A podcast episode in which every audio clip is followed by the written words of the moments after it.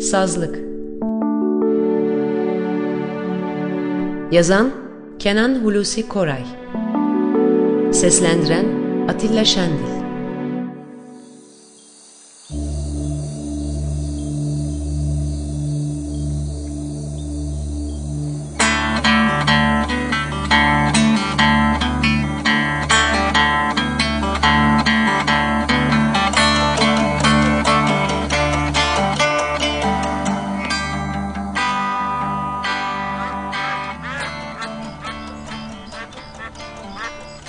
Sabahleyin göle yıkanmak üzere gelen çocuklar Sapancalı Ali Reis'i sazlık kenarında buldular. Göl boştu. Yeşil sazlık daha sonra üzerine birer birer konacak yeşil böcekleri bekliyor gibiydi. Kenarda iri bir manda geceden kalan bir lekeye benziyordu. Hareketsizdi. Ali Reis sandalın en ucunda yeşil sazlığa doğru eğili duruyordu. Bir şey aradığı belliydi sulara dikkatli bakıyor ve kımıldanıyordu. Birdenbire çocukları yanı başında görünce yumurcaklar dedi. Hiç de belli olmuyor yürüdüğünüz. Defolun oradan. Çocuklar zayıf vücutları ve ince derileriyle yeşil sazlığın kenarında başka bir sazlığa benziyorlardı. Beyaz ve ikinci bir sazlığa. Ali Reis, tüh işte kaçırdınız dedi. Biri elleriyle suları iterek ilerledi. Ali Reis dedi, senin bir şey aradığını bilmiyorduk biz. Geriye döndü ve hafif bir göz kırptı. Ali Reis, ha, demek ki siz bilmiyorsunuz. Bilmiyoruz tabii. Yoksa balık oltası mı düşürdün Ali amca? Yok canım. Ha, oltalar burada. Bu başka şey. Bir kadın bu. Sapancalı çocuklar birer ikişer sandalın etrafında toplanmışlardı. Güneş ilk doğuşundaki aynı belirsiz tembellikle Arifiye tepelerinde ıhlamurların arkasındaydı. Göl aynı sakinlik içindeydi. İleride istasyonun kenarında sulara doğru uzayan tahta iskele boştu. Geceden kalan küçük leke sularda erimek üzereydi. Ve her şey garip bir güneş ıslaklığıyla doymuştu. Çocuklardan biri bir kadın ha dedi ve diğerine dönerek dudaklarını büktü. Hmm, bir kadın. Ali Reis bir kadın dedi. Siz nerede girdiniz suya? İşte orada sazlıkların arkasında girdik Ali amca. Ali Reis orası boş mu diye acele acele sordu. Boştu amca kimseler yoktu. Bir kadın da yok muydu? Hiç kimseler yoktu Ali amca. Ali Reis şöyle bir durdu. Çocukların gözlerine bakıyordu. Belki doğru söyleyip söylemediklerini anlamak istiyordu. Fakat hepsi de gözlerinin yeşil yahut mavi hakiki rengini kapıyorlar, bakışları sazlıkların ucunda, kancalı oltalarda, yem sepetinde, sandalın boyasız kaburgasından içeri dolan su birikintisinde dolaşıyordu. Ali Reis bir kadın diye tekrarladı. Yarımcalı balıkçılardan biri görmüş. Bu sazlıkların içinde soyunmuş geceleyin. Yok, soyunmamış.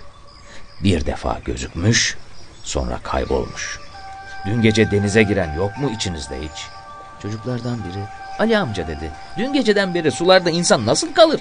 Aa, bu başka bir insan. Bir kadının saçları kadar siyah saçlar, bir kırlangıç balığı gibi de kuyruğu var. Fakat ne bir kadın ne bir balık. Ali Reis bunu söyler söylemez çocuklar birdenbire suya dalmıştı. Güneş onları camdan bir insan gibi gösteriyordu. Fakat bir saniye sonra bu camdan insanlar suyun üstüne dikilivermişlerdi. Sazlıktan 5-10 metre ötede garip bir takım sesler çıkarıyorlar, yuha çekiyorlardı. Ali Reis, yumurcaklar dedi.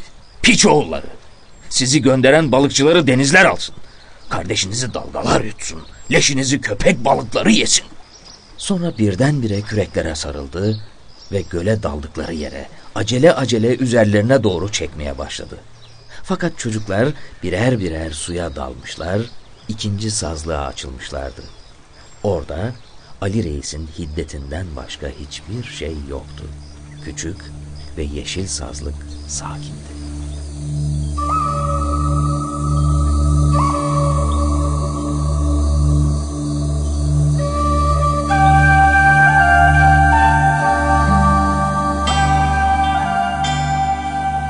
Ali Reis Sapancalıydı. 44 yaşındaydı. Sahil adamlarından birçoğu gibi o da balıkçıydı. Tavşancıl'dan itibaren İzmit'e kadar 30 seneyi denizde geçirmişti. İki balıkçı mavnası, 20 adamı ve Yarımca iskelesinin yanı başındaki küçük kayalıkta bir sandal tamirhanesi vardı. Bütün hat üzerinde onu reis diye çağırıyorlardı. Reisin bir ipek kadar ince kahkülleri sol kulağının üzerine düşerdi. Gömleğinin üst düğmesi açık dururdu. Burada içi sedef, küçük başı madeni bir pırıltı içinde gözüken bir yaka düğmesi göze çarpar, iliklenmeyen bu düğmeden hafif göğsü ve daha doğrusu orada Sapancalı Hayriye gözükürdü. Sonra bir sıra ve aşağıya doğru ilikli diğer düğmeler. Fakat bütün bunların şimdi bir hükmü yoktu. Beş sene evvele ait bir takım hatıralar. Daha doğrusu Sapancalı Hayriye'yi tamirhanenin üstündeki odaya kapattığı zamana ait hatıralar. Odanın yeni badanalanmış duvarları vardı ve ceviz bir konsol üzerinde etrafı bir kırlangıç göğsü kadar sarı yaldızlı bir aynadan başka hiçbir mobilyası yoktu. Yalın kat döşemeden ara sıra uzun bir kızağa çekilmiş bir balıkçı mavnasının omurgaları gözükür, aşağıdan taze bir boya kokusu gelirdi. Yahut reisin yemeklerini pişiren delikanlının gövdeyi zımparaladığı zaman, bir balıkçı şarkısı duyulduğu zaman, tenekeler tıngırdamasın vay vay, komşular duymasın vay vay, denizaltı tencere vay vay, balık gider içine vay vay. Kadın 22'sindeydi ve genç yaşına rağmen bir kızdan ziyade bir kadın gibiydi. Yahut alımlı vücudu, iri kemikleri ve alnı onu böyle gösteriyordu. Ekseriya reisle beraber çıktıkları zaman tayfalar için hakiki bir bayram olurdu. İki deniz mavnasının en önünde küçük, tirşe boyalı başka bir sandal. İçinde reisle yardımcısından başka kimse bulunmazdı. Kadın bir tropik balığı kadar çıplaktı. Ve hafif sarıya meyyal teni küçük deniz damlacıkları ile ıslanırsa onu pul pul gösteriyordu. Buna rağmen Sapancalı Hayriye bir gün kayboldu. Halbuki hiçbir şeyin kadını denizden ve reisten ayırmasına ihtimal yoktu. Balıkçılardan biri akşamüstü Tavşancıl denizi kenarında gördüğünü söyledi. Biri Sapanca'da göl iskelesi üzerinde kayığa bindiğini ilave etti. Ali Reis bir balıktan daha iyi yüzer dedi. Eğer denize girdiyse hiçbir dalga onu alt edemez. Balıkçılar sustu ve yardımcı Mustafa o gün sabahtan akşama kadar tamire çekilmiş bir sandalı yarı zımparaladı, yarı da Tavşancıl iskelesindeki kahvede oturdu, tavla oynadı ve yenildi. Reis hadiseden sonra birdenbire değişmişti. Bir sene balığa çıkmadı. Yarımca ve Tavşancıl denizleri kenarında küçük bir iskemlede kadını bekledi. Mavnalar tamirhanede rutubetten harap oldu.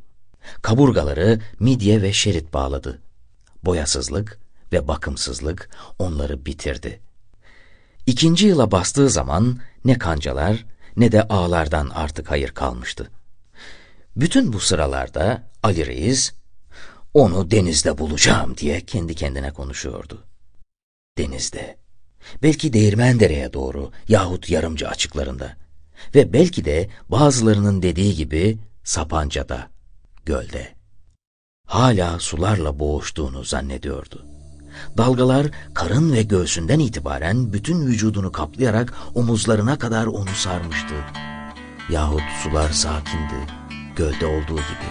Vücudu yine kuvvetliydi.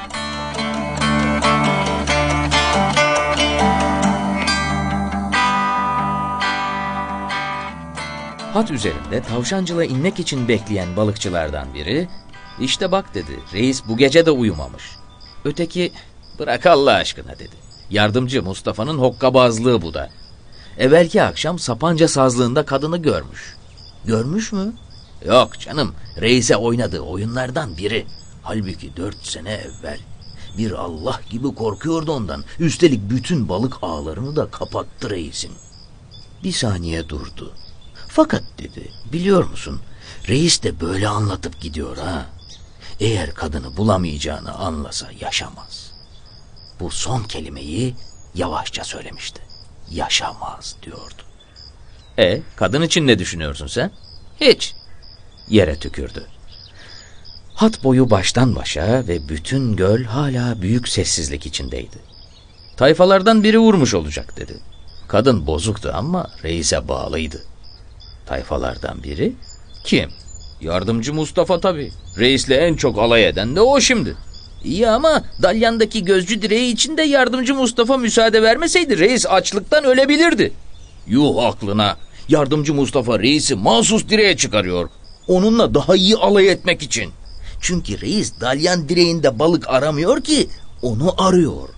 Kadını ağların içinde yahut ağların kapısında ne kadar dikkatle denize baktığını görmüyor musun? Bana kalırsa ceketlerini omuzlarına vurmuş iki balıkçı gölün iskelesine doğru yürüdüler. Geceden kalan leke yavaş yavaş göl boyunca uzaklaşıyordu. İlk tren sesleri duyulmak üzereydi. Biri reis diye seslendi. Ali reis tavşancıla gidiyoruz İstersen götürelim seni de. Reis yeniden sazlığın kenarında duruyor fakat bu sefer oltalarını tamir eder gözüküyordu. Başını kaldırdı. Yok dedi. Yardımcı Mustafa söz verdi. Hayriye'yi burada görmüş.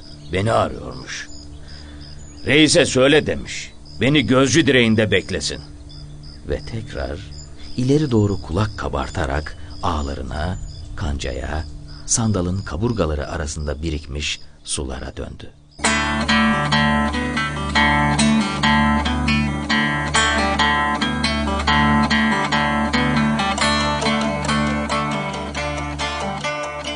Akşamüstü Sapanca'ya inen tayfalardan başka biri ertesi günü için bir kayık boyasını tazelemek üzere reise iş bulduğunu söylemeye geliyordu ki onu tekrar sazların arasında gördü. Sandalda ve ayaktaydı. Kendi imal ettiği bir gözcü direğine çıkmıştı. Başında büyük ve panama bir şapka vardı. Sulara dikkatle bakıyordu. Yeşil sazlık günün nihayete kalmış ışıklarını emmeye çalışıyor ve Arifiye tepeleri az sonra kararmaya hazırlanıyordu. Tayfa iskeleye doğru yürüdü ve sesini ayarlamak üzere ellerini ağzına doğru götürdü ki kenardan gölün Arifiye sırtlarına tırmandığı yerden çalılar ve fundalar arasından bir silah patladı. Bir, bir daha. Tayfa reis, reis diye bir iki defa seslendi fakat reis gözcü direğinde ve ayakta durduğu yerde bir iki sallandı. Sonra büyük bir taş parçası suya düşer gibi oldu. Bir iki saz kırıldı. Sandal bir iki defa hafif oynadı. Sonra tekrar gölün yaz günlerine mahsus büyük sükuneti.